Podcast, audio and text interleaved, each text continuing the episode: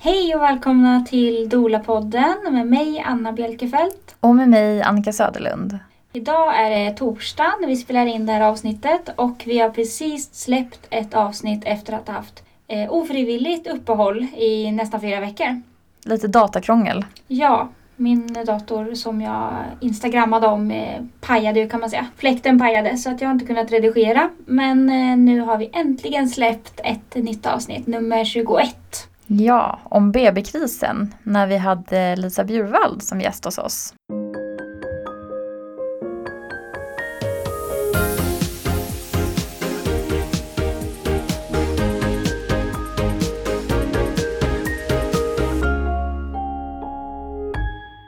Lisa Bjurvald är alltså journalist och författare. Hon har skrivit flera böcker innan. Men den här boken som vi pratade om med henne förra veckan eh, heter BB-krisen, sveket vid livets början.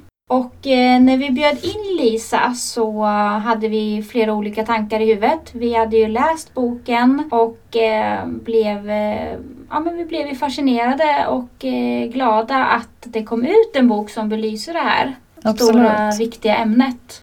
En kris som har pågått inom förlossningsvården i väldigt, väldigt många år och som vi ser i princip på varje födsel som vi är på. Ja, och boken har ju fått väldigt mycket medial uppmärksamhet och den har varit med i olika former av debatter i TV. Och eh, det har skrivits mycket artiklar kring det här och det har lyft den här jätteviktiga frågan. Så det kändes väldigt högaktuellt att ha Lisa som gäst. Mm. Och vi vill också nämna det att Lisa fick ju som eh, våra andra gäster självklart inte betalt för att komma hit. Och det är någonting som man behöver nämna när det är en journalist som gör ett uttalande i, i TV eller podd eller så. Precis.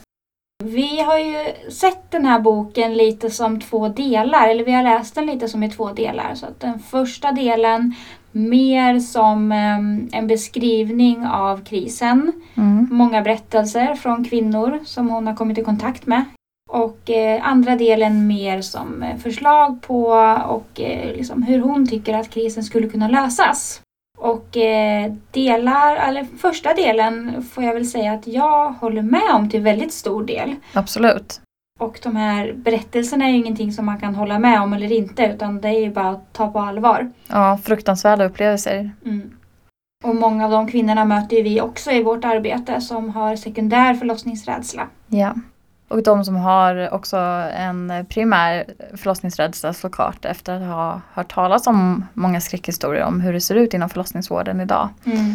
Det känns som att det det är väldigt tudelat där hur man ska prata med kvinnor som är gravida. Ska de få information? Ska man berätta historier? Och det är också så individuellt vad man behöver ha under, förloss eller under graviditeten. Mm. Om man behöver ha liksom, mycket information och eh, höra både positivt och negativt. Och, eller om man bara behöver höra positivt och bara liksom, bli stärkt. Vi pratar ju mycket om det tycker jag i vårt arbete att det är viktigt att kvinnor får ta del av positiva upplevelser eh, från andra kvinnor eftersom att det är ju vanligare att de här skräckhistorierna är de som får ta plats både i media eller i umgängeskretsen. Att det blir väldigt legitimt att prata om sin jobbiga upplevelse medan kvinnor som har haft fantastiska förlossningsupplevelser många gånger inte känner att man kan dela med sig av det för det känns som att man inte blir tagen på allvar eller som att det känns att man skryter om sin upplevelse för att man tycker kanske att det har, har gått bra och att man tyckte att det var häftigt.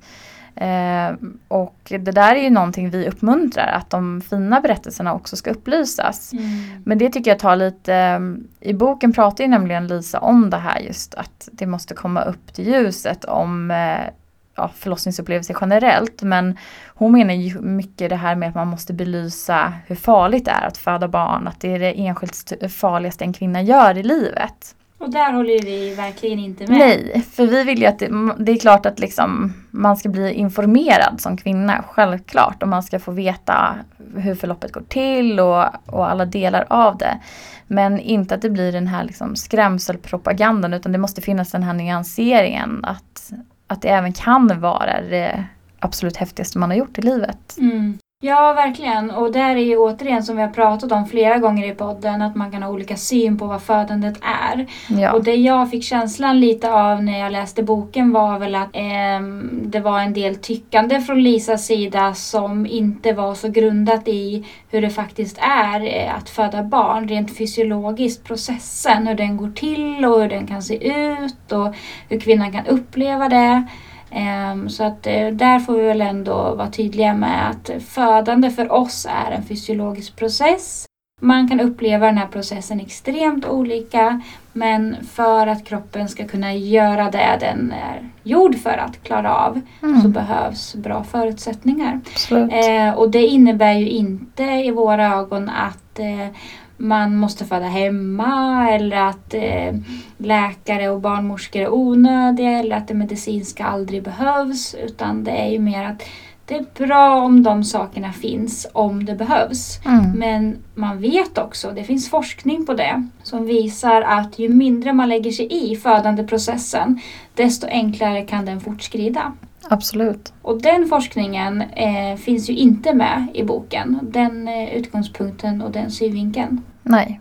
Eh, vi tänkte ju då idag att vi skulle prata om lite specifika saker som vi kanske håller med om och som vi inte håller med om. Mm. Och eh, Lisas 15 punkter som hon har i slutet på boken. lösningar. Precis, för hennes bok är ju också uppdelad eller tänkt, det är inte tydligt uppdelat men det är ändå att första halvan belyser ju krisen. Vad består den här förlossningskrisen av?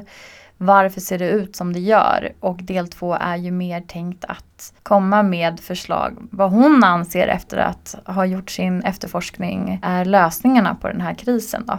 Och i mångt och mycket återigen tycker vi ju lika. Att Ja. eh, kvinnohälsa är superviktigt och underprioriterat. Och man, eh, man tar inte de här problemen på allvar. Det är väldigt bristande eftervård för kvinnor som har skador och det är ju fruktansvärt.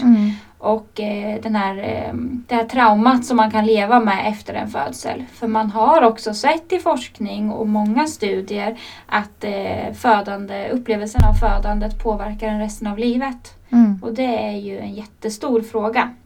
Och även det här med vad själva kris, alltså platsbristen, osäkerheten att veta vart får jag plats, kommer jag få plats, Kommer jag ha någon hos mig? kommer jag ha, ja precis, eh, Mm. barnmorskornas arbetsvillkor, hur Mm. det ser ut idag, eh, arbetsförhållandena ser ut. Så att eh, allt det där är vi ju helt eniga om. Vi är egentligen eniga om vad krisen består av. Ja. Det är ju mer lösningen som vi har lite olika ingångspunkter till. Exakt. Eh, men vad tror du Annika om att läsa upp de här 15 punkterna så att eh, våra lyssnare som inte har läst boken kanske får lite koll på det? För Absolut. jag tänker att när man först liksom ser den här så ah, BB-krisen, någon lyfter det här jättestora problemet i samhället som många politiker blundar för Mm. och eh, nonchalerar.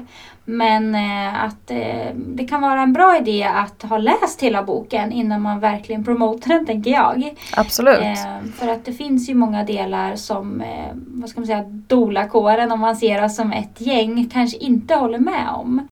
Punkt 1. Erkänna krisen och att den inte bara är tillfällig. Öka resurserna till förlossningsvården. Använd rätt måttstockar. Ta upplevelser på allvar. Omyndighetsförklara inte kvinnor. Börja prata om förlossningsvåld. Där kan ni lyssna på våra avsnitt om obstetriskt våld som vi har spelat in eh, tidigare. Höj medvetenheten om klagomöjligheter. Glöm inte barn och partner.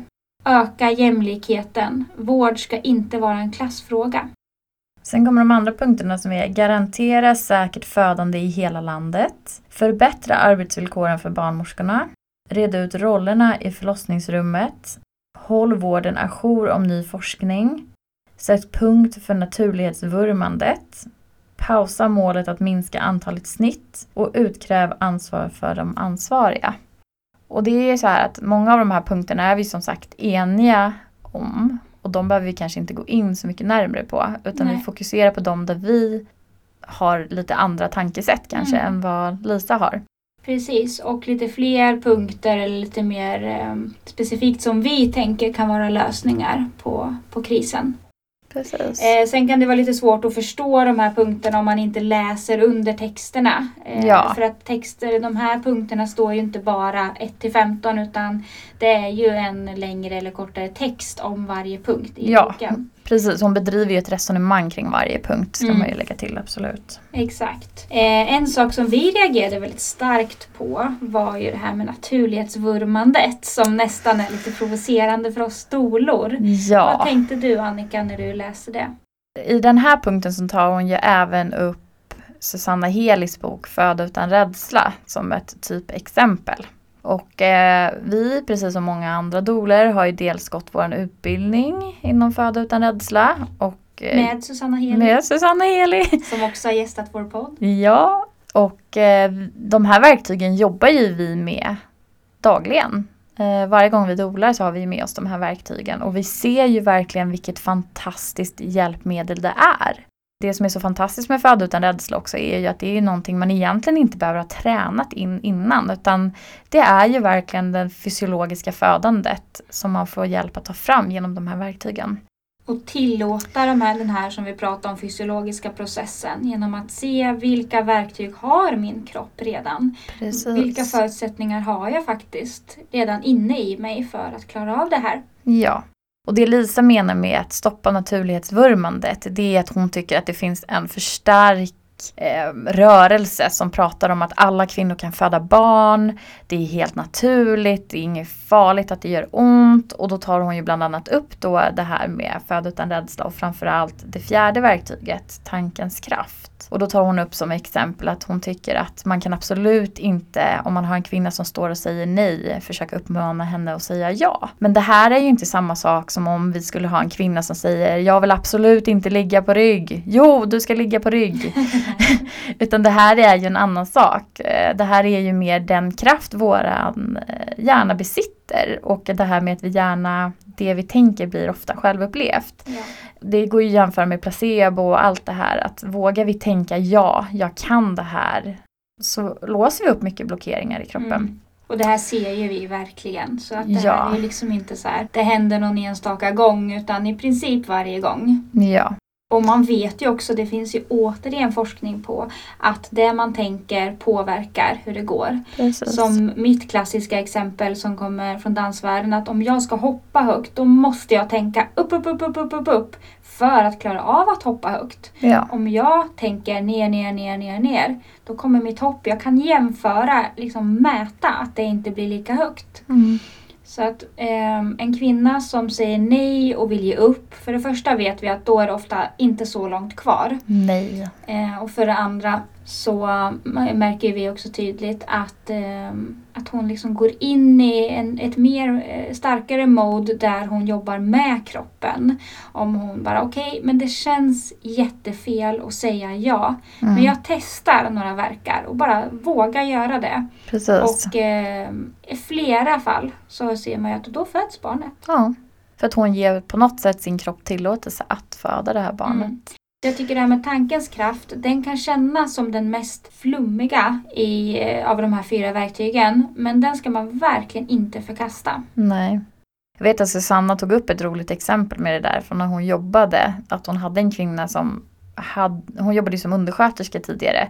Och att det då hade kommit in en kvinna som eh, hade kommit upp med hiss i rullstol eh, ner från parkeringen. Och hon står så här nej, nej, nej.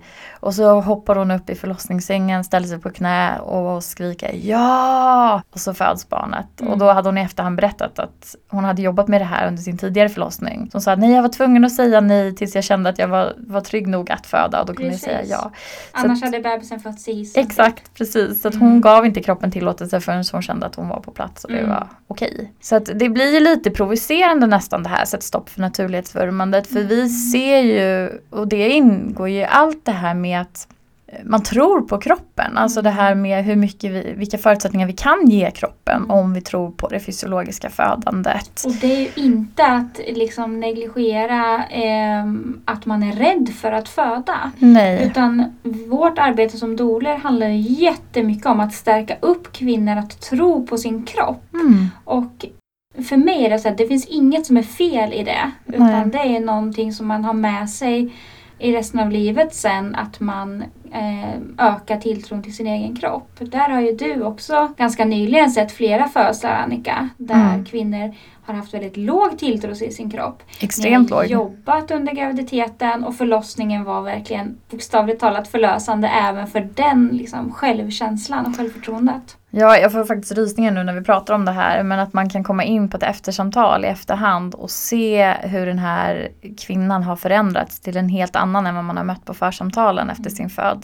Och höra dem skatta det som en 10 av 10 och att det enda de tänker på när de tänker på sin födsel är stolthet och glädje. Och det är ju oh, det, är mm. det som gör vårt jobb så häftigt. Att mm. kunna se Eh, som du säger också innan, hur en födsel faktiskt påverkar oss resten av livet och inte bara i stunden. Så att det är så viktigt för många kvinnor att få genomgå den här processen mm. och därför behöver vi skapa de bästa förutsättningarna för det. Mm. Och det är det vi pratar om på våra församtal också med våra klienter så har ju vi en fråga vi ställer att um, det här med hur är din föreställning om din kroppsförmåga och om den inte finns där, hur kan vi skapa den, den tron på kroppen? Mm. Liksom? Ja, jag tänker så här. Eh, vi är överens om att det måste finnas valmöjligheter för kvinnor. Och eh, naturlighetsvurmandet, om man säger att vi doler hör till det och de barnmorskor som jobbar med hemfödslar förespråkar det och så vidare och så vidare det är ändå en väldigt, väldigt liten grupp skulle jag säga. Vi kämpar ju ofta i motvind när vi vill jobba med det fysiologiska födandet eller vill jobba med, men vill främja det. Ja. Då jobbar vi ganska ofta när vi är på sjukhus emot, eh, liksom, alltså vad ska man säga, vi jobbar emot vind när vi försöker främja det. Det är vanligare att det blir interventioner när man föder på sjukhus. Det är vanligare att det blir mer medicinskt än kanske kvinnan har önskat eller vad som kanske är bra för den fysiologiska processen.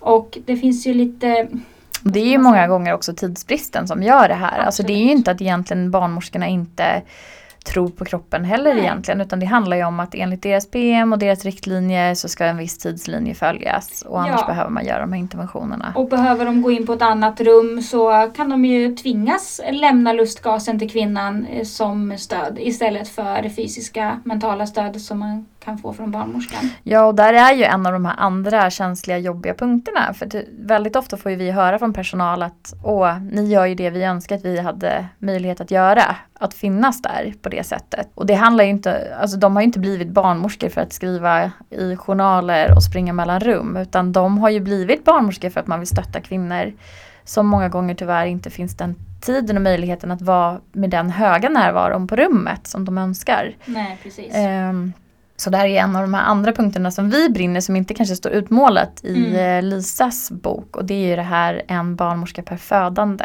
Och eh, skapa eh, bättre arbetsvillkor för barnmorskorna så att de kan vara närvarande. För vi vill ju också att barnmorskorna ska vara där. Ja. Vi kommer ju inte dit för att ta över deras jobb på något sätt. Vi ser ju inte vårt arbete som liksom att vi är konkurrenter utan vi tycker att det är jättefint om vi får samarbeta. För man kan ju inte få för mycket stöd när man föder barn. Nej. Det är superfint om man kan vara som ett team runt kvinnan och eventuella partner. Och det är ju så vi vill att barnmorskorna ska uppfatta oss också när vi är där. Att vi är där för att komplettera dem och absolut inte ersätta dem. Utan vi ska ju liksom vara ett team som alla jobbar mot samma mål. Det är en stor viktig del, tycker jag, i att lösa den här krisen. Det är en barnmorska per födande. Mm. Då skulle vi lösa mycket problem. Mm. En annan sak är ju också av valfrihet.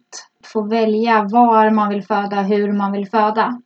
Och det Lisa är inne på det är ju att man ska ha rätt att välja snitt. Och det kan vi gå in mer på om en liten stund. Ja. Men eh, det som vi också menar är ju att man också ska ha val att eh, kunna välja att föda hemma för det man har sett och där eh, spelar det faktiskt inte så jättestor roll hur man kollar på forskningen utan forskningen är väldigt eh, tydlig när det gäller eh, att bra utfall är när kvinnan själv får välja var hon vill föda, där hon känner sig trygg. De förlossningarna blir oftast som bäst om man använder det ordet. Vi kan länka till den här forskningen också i avsnittstexten. Och där är ju det här alternativet som saknas idag, det här med småskaliga enheter. Eh, med tanke på att man la ner eh, Södra BB som fanns tidigare och eh, BB Sofia Och Sollefteå. Så det är de sjukhusen, de klinikerna som har fått bäst resultat, bäst utfall.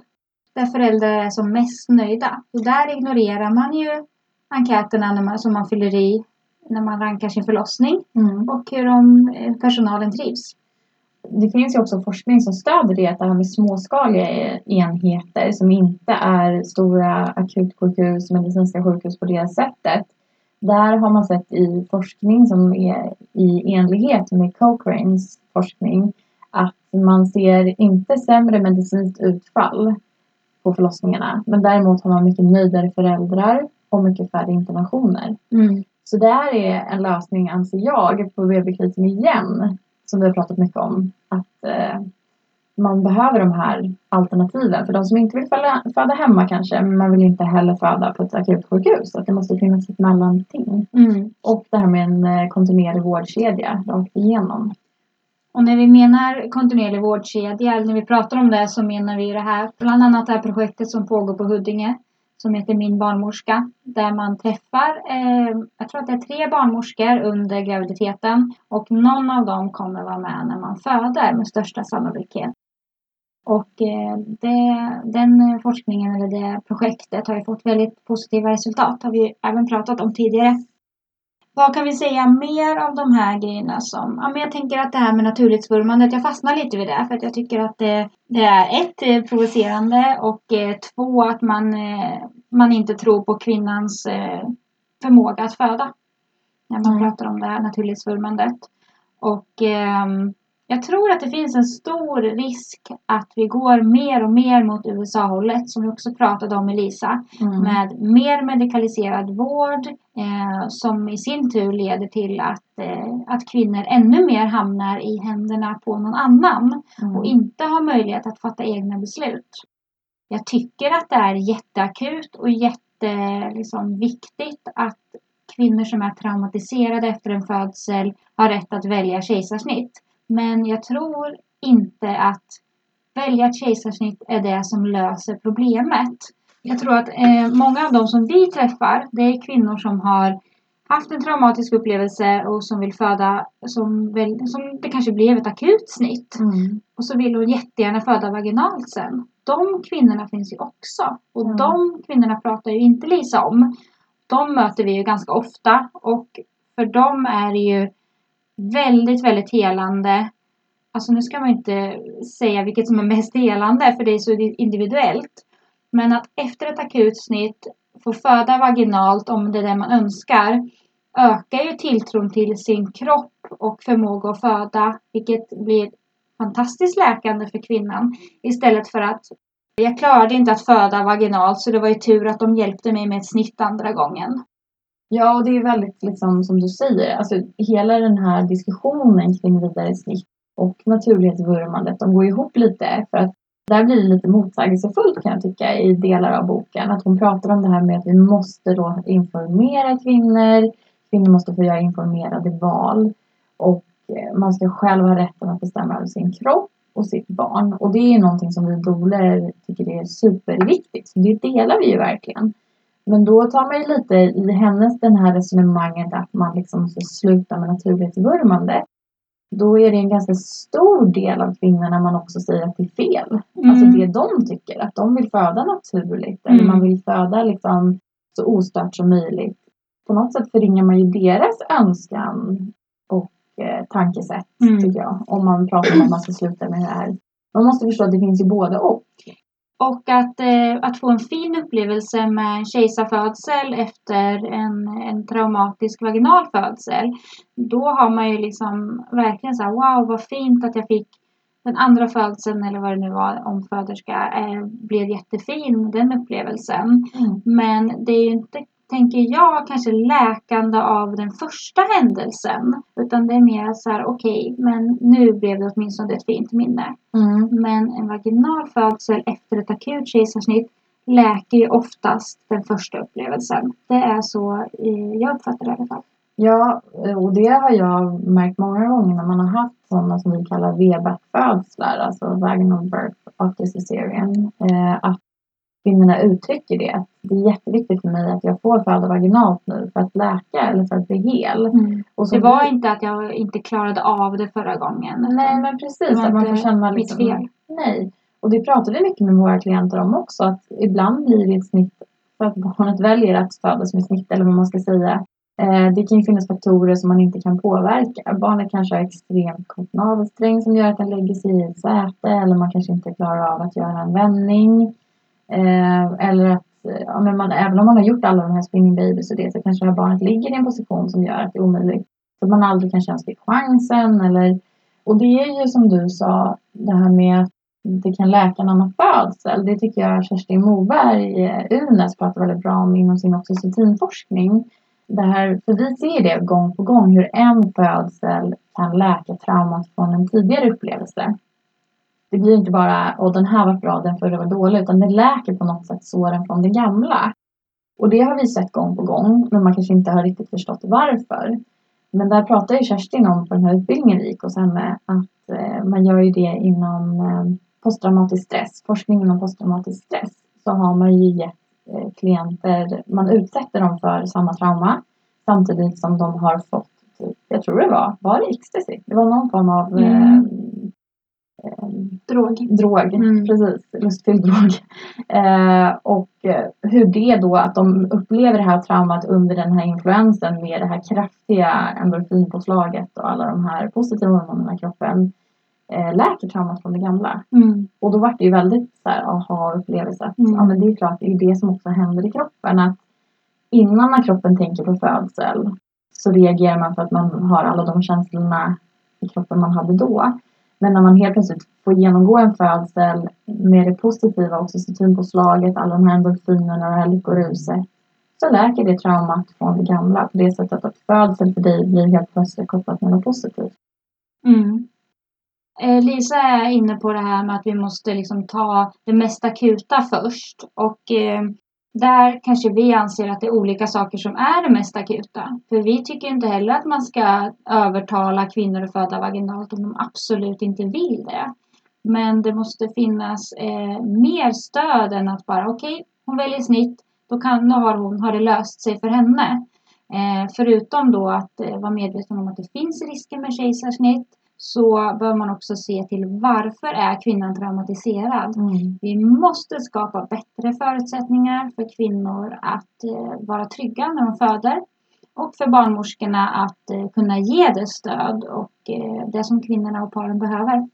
Ja, så att vi är absolut inte oeniga med Lisa om att i vissa fall så behövs de här snitten. För självklart kan man inte, liksom, ska man inte tvinga en traumatiserad kvinna att genomgå något hon inte själv vill.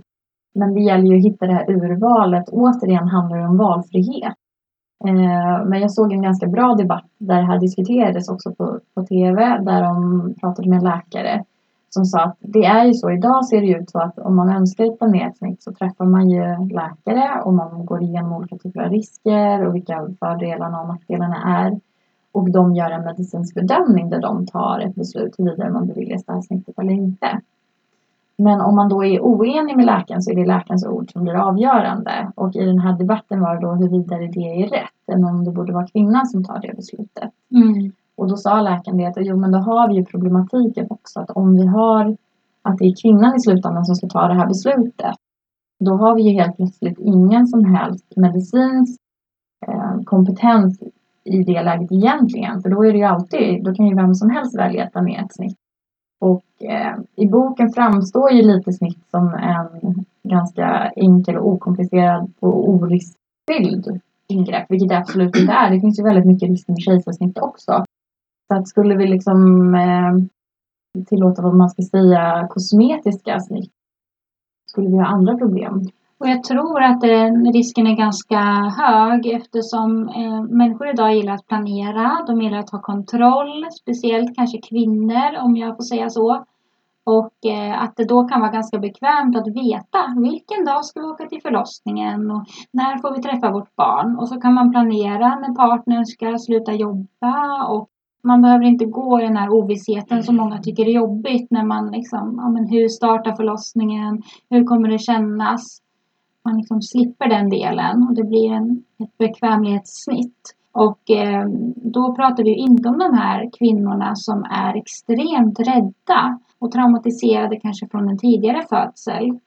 Utan att eh, jag tror att man behöver vara försiktig med det här. Som vi pratade om med Lisa också så eh, medikaliseringen av födandet eh, innebär många risker. Och eh, kvinnor eh, fråntas ofta sin autonomi när de hamnar i en situation där de känner att man också kanske behöver vara på ett visst sätt, svara på ett visst sätt, eh, förhålla sig till rutiner som man har på sjukhuset. Det är lätt att man som kvinna då eh, kommer ur sin bubbla som är väldigt viktigt att hon får vara i och arbeta ostört. Eh, när det är till exempel vaginala undersökningar varannan timme, då är det bara att hoppa upp i sängen och lägga sig på rygg. Eh, det kanske är, gör ont att göra undersökningarna. Det kanske är jättejobbigt att ta verkan när man ligger på rygg. Då har man liksom ökat på adrenalinet och sänkt nivåerna av oxytocin i kroppen. Och då, ja, men då tänker man så här, men varför tar förlossningen längre tid? Hur kan det vara så att kvinnor sluter sig? Från att ha varit öppna sju så är de öppna fem helt plötsligt. Det är egentligen inga konstigheter. Kroppen är så fantastiskt kompetent att den känner sig inte trygg. Då vill den inte arbeta. Eh, så på tal om det här med USA som vi pratade om så är 32 procent av kvinnorna i USA genomgår kejsarsnitt, föder med kejsarsnitt. Och eh, om man kollar på hur eh, kvinnor i västvärlden mår efter en förlossning, eh, första tiden med barnen, så har USA jättedåliga siffror där. De kvinnorna mår liksom sämst. Och då har man så hög andel kejsarsnitt. Och det sambandet måste man se. Och eh, jag tror att vi är ute och liksom verkligen ute på djupt vatten när vi vill ha fler kejsarsnitt och eh, mer medikalisering av födandet.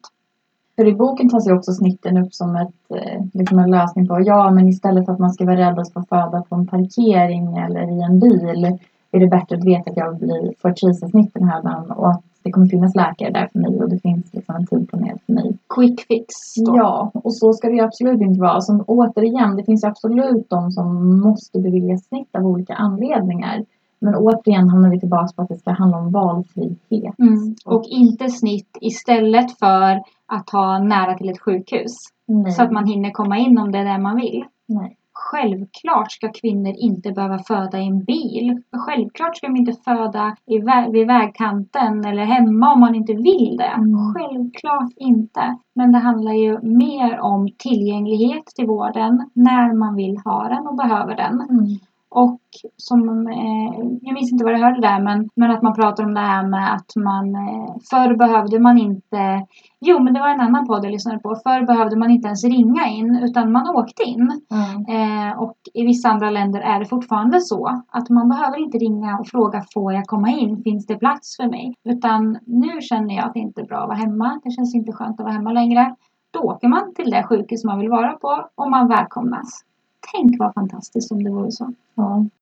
Ja, men nu ska vi fokusera lite på BB-krisen eh, och den boken. Men eh, det slog mig verkligen att det här med att föda hemma, då är det så viktigt att man har max 40 minuter till sjukhuset. Mm. Men eh, långt upp i norr så är det liksom flera timmar till sjukhuset för vissa. Mm. Och det är helt okej. Okay.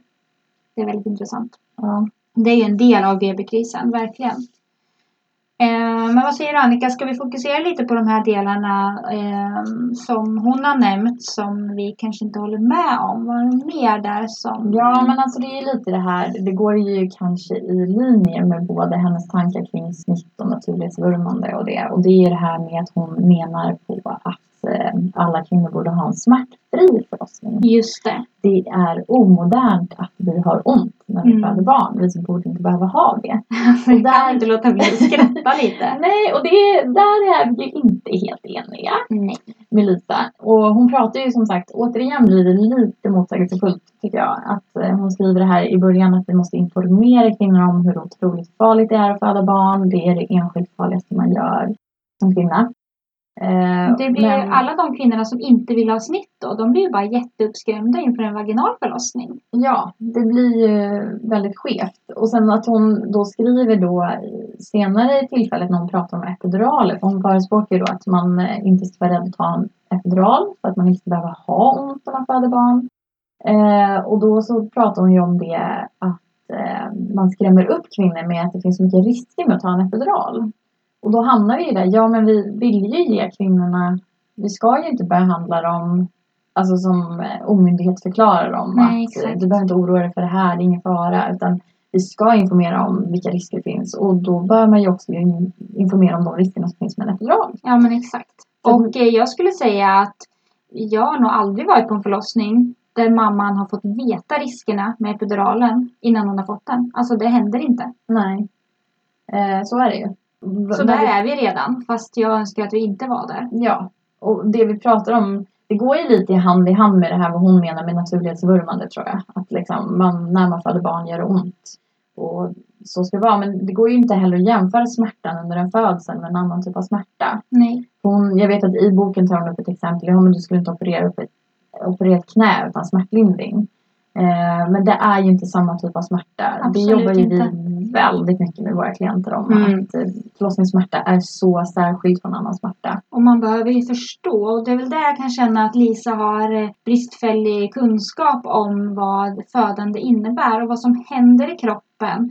Och den här extremt viktiga hormonbalansen och alla de saker som samspelar när man föder barn. Att det finns en anledning varför det fungerar så. Och förstår man eh, syftet, smärtans syfte, så är det ofta mycket, mycket lättare att jobba med kroppen. Ja. Så absolut det som du säger att om man ska få information om andra saker som rör födandet så bör man få information om vad epidural innebär för risker. Och det bör man ju inte, det bör man inte få där och då för då skiter man ju det om man har bestämt sig för en epidural. Då är det bara ge mig den helst det går. Men att man i förväg ska få veta riskerna med epidural. Ja. Och att vi möter ju många som är traumatiserade av födande, vaginalfödande och det är ofta för att de har gått in i den här interventionskaskaden som väldigt många inte ens vet vad det innebär. Men om vi förklarar det snabbt så är det ofta att en intervention leder till en annan och en intervention kan till exempel vara att man tar hål på fosterhinnorna så att vattnet går och verkarna tilltar väldigt mycket och då vill man ha en epidural. Och när man har fått en epidural så kanske förlossningen stannar av och då behöver man ett verkstimulerande dropp. Och då ökar risken för sugklocka och eh, större blödning till exempel. Forcerad kryssning. Forcerad kryssning, ökad bristning och så vidare. Och eh, man vet ju också att det här verkstimulerande droppet används extremt mycket i Sverige idag. Att vi har verkligen läkare och barnmorskor säger det, vi har kommit till vår gräns. Vi kan inte använda det här droppet mer. För vi vet inte vilka risker det har eh, och vilka långvariga effekter det har på kvinnor. Min ständiga fråga som är, jag önskar att någon kunde svara mig, det är verkligen så här, men vad händer med kvinnokroppen när hon pumpas i syntetisk oxytocin? Vad händer med hennes egna oxytocin när hon pumpas med syntetiskt? Ja, och det skriver ju Lisa själv om i boken också. Eh, den här överanvändningen av oxytocindropp. Och den kan mycket väl vara ett led av den här tidspressade vården som finns. Eh, platsbristen, man vill att kvinnor föder inom en viss tid för att man behöver göra rummen lediga igen. Eh, och hon skriver ju också att det här verksamheten droppet är en stor orsak till att många kvinnor är traumatiserade idag och har Mm. tuffa upplevelser bakom sig. Och det ska tilläggas att de typer av verkar man får av verkstimulerande dropp många gånger är mycket jobbigare för kvinnan än dens egna. Precis, och då kan det vara kvinnor som så här, men oj var det så här tufft att föda barn och så har de ändå haft epidural. Men man har också som doula sett att droppet var ju väldigt, väldigt högt. Ja. Och det är ju det som är nackdelen med en epidural, eller en risk med en epidural, är ju att det är en ökad risk för det här värkstimulerande droppet. Det ser ju vi många gånger när vi jobbar, att eh, man kanske har bra, fina, starka verkar. Men eh, epiduralen blockerar och vilket gör att det stannar av och så måste man koppla det här droppet. Och vissa sjukhus har ju till och med som rutin att man sätter droppet samtidigt som epiduralen. Så man låter inte ens epiduralen göra att kvinnan kanske får äta och sova. Utan Mm. man sätter det samtidigt för man, man vet att, eh, att det kommer behövas ett dropp också. Och som Sanna pratade om när vi pratade i podden om Active Baby, att egentligen så behöver inte så verkarna vara starkare och kraftfullare, utan bebisen behöver ligga optimalt för att verkarna ska kunna göra liksom att bebisen tränger ner och att man öppnar sig. Jo, för det är ju lite det här återigen, om du har en rund cylinderformad eh, ett hål och sen ska du köra en kloss genom det som är fyrkantigt. Det kommer inte gå hur hårt du än slår. Exakt. Och det är ju samma sak med det här verkställande droppet. Att Mm. om inte barnet ligger rätt så spelar det ingen roll hur hårt du trycker på. Barnet Nej. kommer ändå inte se korrekt. Och om man ser på det här med att det blir mer, eh, fler epiduraler och fler eh, liksom, interventioner, då kommer också läkare vara mer delaktiga i födandet. Och läkare har ofta en ingång eh, när man har ett risktänk som, som vi anser att det i väldigt få fall faktiskt behövs inom födandet. Alltså födandet är ju det enda friska vi tar in på sjukhus. Det är ju inte en, ett sjukdomstillstånd och det ska heller inte behandlas som ett sjukdomstillstånd. Någonting som kvinnor inte klarar av. Det är lite så här, man har den inställningen. Så Mm. att Det här är ingenting som kvinnor klarar av utan vi måste finnas här liksom, för att annars kommer det gå snett. Eh, och det finns risker med att hela tiden se risker. Man ska Mm. säga att läkare, som Lisa pratar om, att fler läkare borde vara delaktiga i födandet. Ja, hon har ju en av hennes punkter när reda ut rollerna i förlossningsrummet. Det är ju du inne lite där på. Mm. Och det, är i, det hon lyfter fram där är att hon menar i vissa intervjuer med läkare då. Att de eh, tycker att barnmorskorna är inne i det sista. Att de väntar för länge när man kallar in läkare för att de så gärna vill liksom styra över sitt rum. Eller de vill utöva sitt hantverk. Och det här ser ju vi att många gånger så skulle behöva ha mer på. Den prestigen se, har jag typ inte sett eh, i födanderummet. Absolut Att, inte. att barnmorskor har den prestigen. Alltså då vi tillsammans varit på över 100 födslar. Ja. Långt över 100 födslar. Ehm, och ser inte den prestigen hos barnmorskor. Utan eh, de är ofta väldigt, väldigt måna om att det ska vara medicinskt säkert. Och Absolut. nästan i lite väl hög grad istället åt det hållet skulle jag vilja säga. Där många gånger deras hantverk, kompetens, närvaro skulle vara fullt tillräckligt. Ja. Men att man ändå går på PM, läkare och riktlinjer. Exakt, att man är under någon slags press. Många barnmorskor eh, känner ju det, att vi har koll ovan, ovanifrån. Eh, och eh, alltså absolut att man har hört barnmorskor här, nu vill ju de där ute att jag ska sätta dropp. De står ju och knackar på dörren nu liksom, bara så att ni Precis. vet det. Vad händer med kvinnan när hon får det på sig? Om Den födande kvinnan, att så här, bara så att du vet så är jag som arbetar här jättepressad nu. Så att Mm. snälla låt mig sätta droppet. Nästan så. Ja, det ökar inte kvinnans oxytocinfrisättning i alla fall. Det, Nej, och det måste ju vara extremt frustrerande för barnmorskan att känna det hela tiden. Att det finns folk som inte tycker att jag gör mitt jobb korrekt. mm. Utan de vill att så här, men hörru du, den här, gör du ett bra jobb då det innefattar att den här kvinnan föder inom två timmar. ja. Och det är återigen det här med kvin- eh, barnmorskornas arbetsvillkor igen. Eh, för det märker jag, vi har ju båda jobbat när det har varit som absolut mest pressat inom förlossningsvården. Vi jobbade båda extremt mycket i somras och alla vet Förra ju, sommaren. förra sommaren och alla vet ju hur somrarna ser ut. Eh, men jag måste liksom ge väldigt mycket eloge också till de här barnmorskorna som vänder in och ut på sig själva. För att många gånger märker man ju inte av deras pressade situation. Visst, man kan märka att de inte är på rummet så mycket så att man förstår att de är i många olika rum. Absolut. Men de är fantastiska på att när de kliver in i rummet och på sig den här masken att allt är lugnt, allt är bra, jag är här. Det de gör är ju att kompromissa med sig själva. De äter inte, de hinner inte gå på toaletten. Jag hade en barnmorska som sa det att är det okej att jag smiter iväg, jag måste bara äta lite kort, jag kommer tillbaka så fort jag kan. Och så var hon tillbaka på typ 5-10 minuter och jag var så här, har du, har du redan hunnit äta? Nej men äta, alltså varm mat, det har jag gett upp för länge sedan. Jag dricker någonting i farten, för Mm. annars hinner jag ändå bara kallna. Och jag menar det, hur länge orkar man leva under sån press? Mm. Och då kommer man ju in i det här också, vad som blir medicinskt säkert. Om vi inte har liksom, då måste jag ha bra arbetsvillkor för att det ska vara Ja. medicinskt säkert. Och hur, eh, man vet ju själv hur man fungerar bättre eller sämre om man har ätit eller inte. Ja. Så det är jätteviktigt. Det är bara så basala behov för att man ska kunna göra bra ifrån sig. Mm. Och det är inte helt ovanligt att en barnmorska kommer in och liksom tuggar ur det sista i munnen typ när de kommer Nej. in i rummet. Det är verkligen så här, äter när de går mellan rummen typ. Ja. Snart kommer barnmorskorna, fy vad hemskt, så här, går ut med så här droppställning själva och har så här sockerdropp till för att de måste visa något. Usch! Ehm, ja men hade vi något mer där bland de där punkterna som vi tänkte att vi ville ta idag? Jag vet inte, hon pratar ju också det här om våra roller faktiskt. Om Mm. i boken under den punkten som du har borta hos dig. Jag tror att det är punkt åtta faktiskt. Mm, precis, det här med att eh, doler, alltså det ska inte vara en klassfråga. Eh, vården ska inte vara en klassfråga, öka jämlikheten. Ja. Eh, och eh, det var ju som vi pratade om med Lisa också, att Mm. vi, eh, vi vill ju inte att doler ska vara bara för de som har mycket pengar, självklart inte. Eh, det är ju, vi har ju redan nämnt det, men någonting som vi arbetar för att det ska bli eh, mer tillgängligt för alla.